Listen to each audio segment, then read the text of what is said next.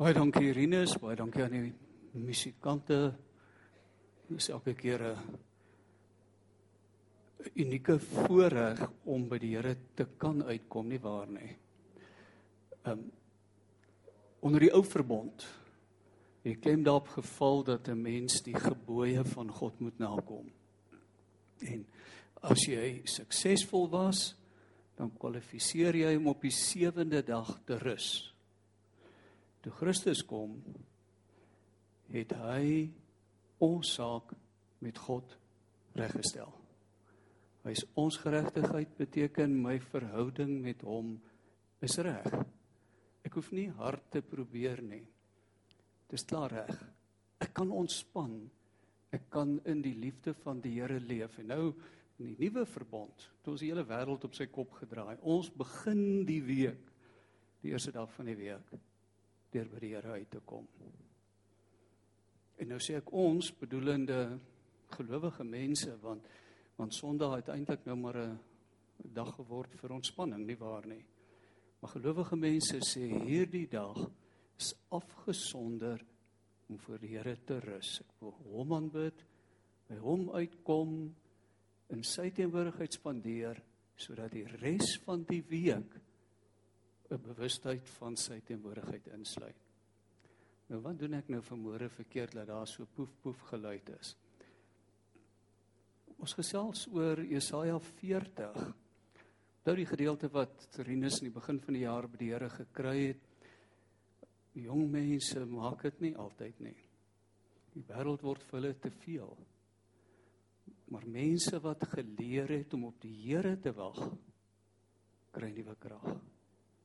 Hulle is soos arende Jy moet hulle slaan om hulle op die grond te hou want hulle kan op die hoogste plekke vlieg. Wat beteken dit om op die Here te wag? As jy 'n knop in die bors ontdek en die ergste vrese word bewaarheid en is kanker. Jy gaan deur daardie lang proses van chemo en bestraling en al die onsekerheid wat dit vir 'n mens inhou of as jy dood in jou gesin toeslaan of as konflikte gesin uitmekaar skeur of as 'n finansiële uitdagings is is as 'n mens jou werk verloor en om werk te kry het ingewikkeld geraak vir party mense veral as hulle die verkeerde kleur en geslag is is geslagsgestremd ook en jy verloor jou huis, jou motor en jou beleggings en en jou pensioen. Wat beteken dit om op die Here te wag as dit so gaan? Ek het al gesê kinders is 'n mens se hart wat aan die buitekant rondloop. Kinders kan jou ook bitter teleurstel. En as dit met jou kinders goed gaan nie, dan gaan dit beswaarlik met jou goed. Waar is die Here? As jy hom die nodigste het. Nou ek dink net hoef dit te sê nie die donkerste deel van 'n mens se lewe is daai klein uurtjies van die nag, hier van 2, 3, 4 uur af. Dan's pyn baie erger en en bekommernis lyk onoorkombaar en en dat 'n mens later, het dit al met u gebeur dat 'n mens later wens ag as die son maar net wil opkom. Nou koning Dawid word erken as hierdie held. Maar koning Dawid se storie begin as 'n 'n seun wat 'n veldwagter, 'n herder, 'n skaapwagter is. En wat deur 'n profeet aangewys word, jy gaan die koning word en klomp dinge gebeur wat hom onder die aandag van die nasie bring en die koning en die koning beskou hom as 'n bedreiging en en vir meer as 2 jaar vlug Dawid vir sy lewe. En ons vermoed baie van Dawid se ervarings wat in sy psalms wat aan hom toegeskryf word, baie van daardie ervarings gaan terug na wat in in die wildernis in die woestyn gebeur het. Die donker wat hy daar ervaar het. Een van daardie psalms is Psalm 130. Nou Psalm 130 is deel van 'n reeks pelgrimsliedere. pelgrimsliedere is liedere wat mense gesing het wat op pad was na die tempel uiteraard wat hulle verwagting verwoord van wat in die tempel gaan gebeur en en dan terwyl hulle in die, die tempel is nou daarbo hulle is op pad boontoe hulle slaap oor dis wildernis dis wilde diere ehm um, sulke aardige goed soos spinnekoppe en en oorkruipers wat daar rondloop en ook groter diere en en daar's rowers. Jy jy beland soms in die warm water terwyl jy op pad tempel toe is en en hoor wat sê hierdie Psalm. Staan op die bord ook uit die dieptes roep ek na u Here. Want hy wys nou op pad boontoe.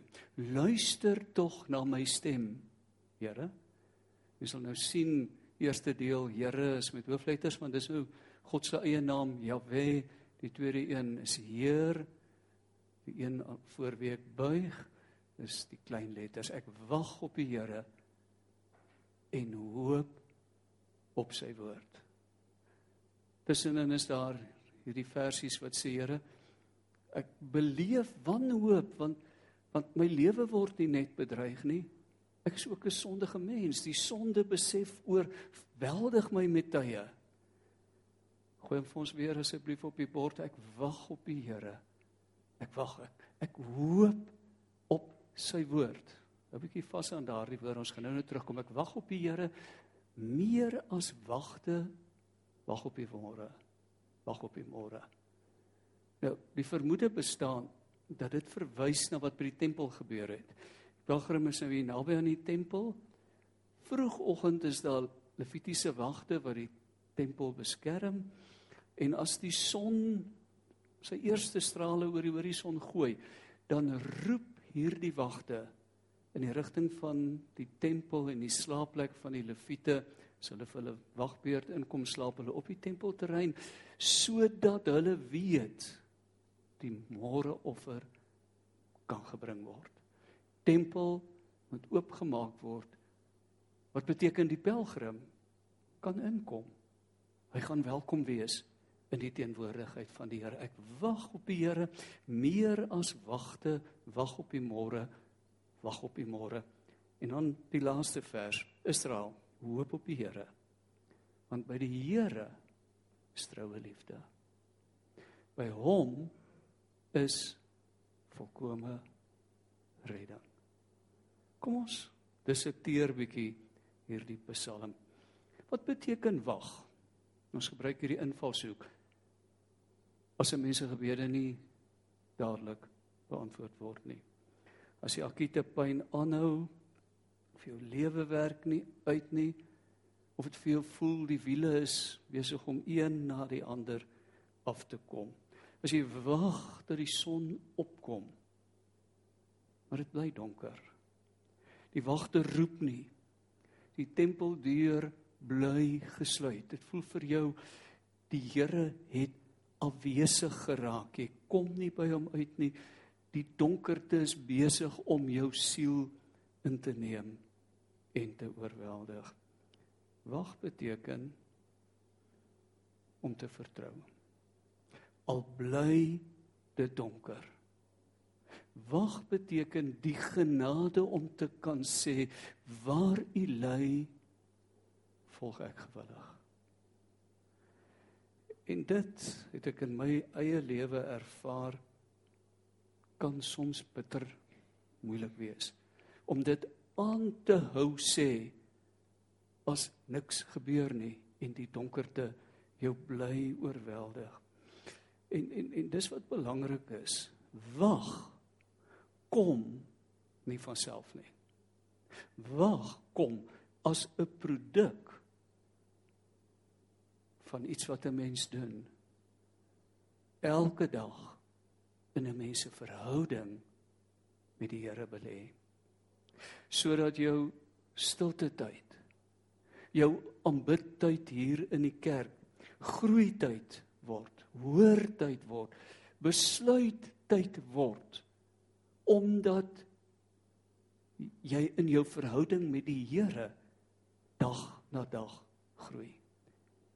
As 'n mens nie hierdie teenwig in 'n mens se lewe inbou nie, kan dit gebeur dat kroniese of terminale siekte of ernstige finansiële probleme of wat ook al 'n mens se oë van die Here kan afhaal.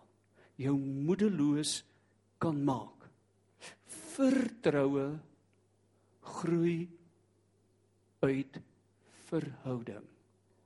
Vertroue kom eers as my verhouding met die Here verinnig en verdiep.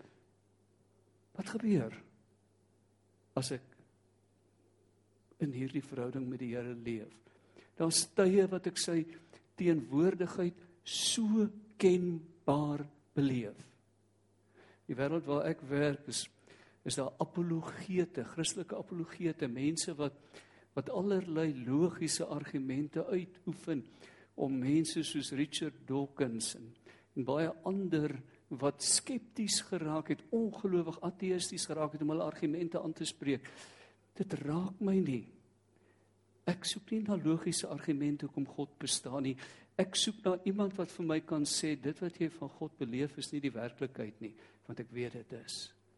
Die Here word vir jou so 'n werklikheid soos wat jy groei in jou verhouding met die Here dat niks nie eens die dood jou oë van hom kan afhaal nie inteendeel dat die dood 'n heeltemal nuwe perspektief kry dat moeilikheid en elende en swaar kry 'n nuwe perspektief kry jy kyk anders daarna wagte weet die son kom op.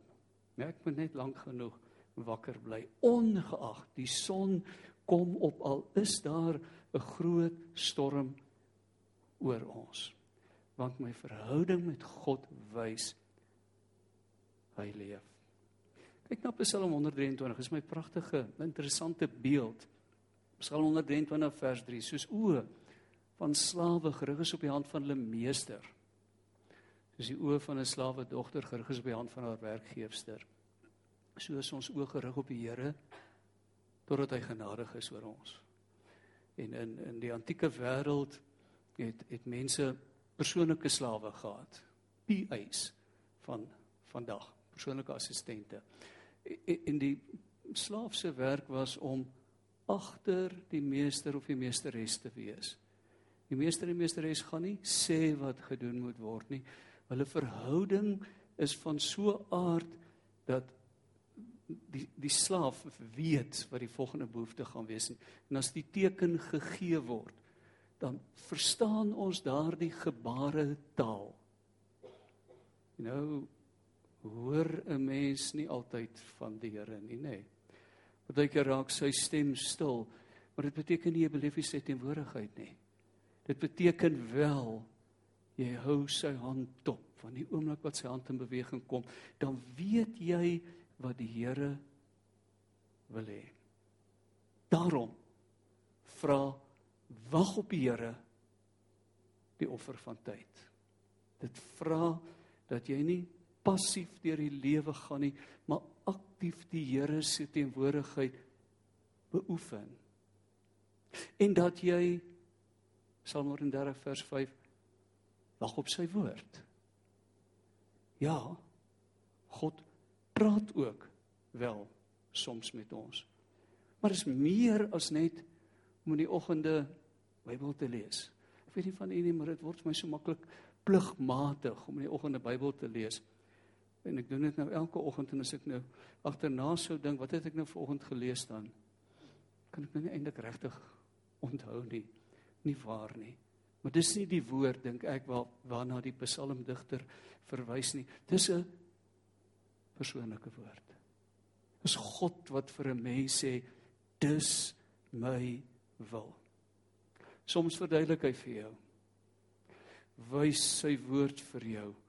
Jou beproewing is die produk van God wat jou dissiplineer, wat jou op 'n pad van dissipline lei. Soms vind jy uit pyn is besig om jou karakter te vorm. Die Here is besig om jou te maak jy soos vasklei in sy hande. Of dis dalk die gevolg van sonde wat in my lewe telke male na die oppervlak kom en die Here wil dit uitwan en hy's besig met my want ek kan vaar hy's op pad met my hy weet wat se regte pad om by my eindbestemming uit te kom en die heel belangrikste is om hom in die oog te hou. Want as 'n mens in hierdie woestyn waarin ons leef verdwaal word jy maklik die slagoffer van die leeu's wag tot jy verstaan sodat jou gebede vir wat jy God vertrou voor verander. Here, nou weet ek waarheen U met my op pad is. Miskien het ek 'n klomp energie spandeer om te bid teen wat U in my lewe wou bereik. Want ek het maar net vanuit my eie perspektief daarna gekyk. Ja, as 'n mens wil oorleef, sal hierdie blinders van ongeloof en besig wees en moeg wees voor die vensters gereeld moet oopmaak. Jy sal jou aandag wat op ander dinge gerig is, so bietjie moet onderbreek en terugkom na wat werklik belangrik is, die Here. Om weg te draai van van die donkerte van onafhanklikheid van eie besluite neem van self baas wees na die lig waar God heers en waar sy heerskappy sy koninkryk in jou lewe aanbreek. As daar iets is wat ewige vrug in 'n mens se lewe gaan dra. As daar iets is wat 'n mens kan saamneem, selfs die rykste mense, selfs die koningin van Engeland is nou aan die ander kant sonder klere en sonder enigiets. As daar iets is wat jy wel kan saamneem, is dit 'n mens se verhouding met die Here. Is dit nie waar nie? Dis al wat gaan tel. En daarom is om te wag op die Here, om te leer om te wag op die Here so belangrik. So belangrik. Ek wag op U tot die son opkom en U my vol lig maak want Psalm 130 vers 7 Gooi dit gou vir ons op die bord asseblief, want by die Here is troue liefde. By hom is volkomme redding. Kom ons hoor vanmôre of dit nie is wat die Here vir ons wil sê as ons deur moeilike omstandighede gaan nie. Vertrou my. Ek het jou lief. Vertrou my. Ek kan jou red. Vertrou my. Ek gaan dit doen wanneer dit belangrik is die son gaan opkom. Wag op die Here vir ander mense lewe. Uiteraard. Jou lewe word 'n gebed. Dit word 'n simfonie wat ander mense se lewens verryk te midde van en deur moeilike tye. Want lig en blydskap van die Here is nie afhanklik daarvan dat dinge vir ons moet regloop nie is nie afhanklik daarvan dat dinge vir ons moet regloop nie. En dis die laaste gedagte wat ek wil los, tevredenheid volg wanneer 'n mens vrede gemaak het met die pad wat jy loop. Wanneer jy sê ek skop nie meer teen die prikkels nie, onthou vir Paulus nie, vir Saulus, pad na Damaskus.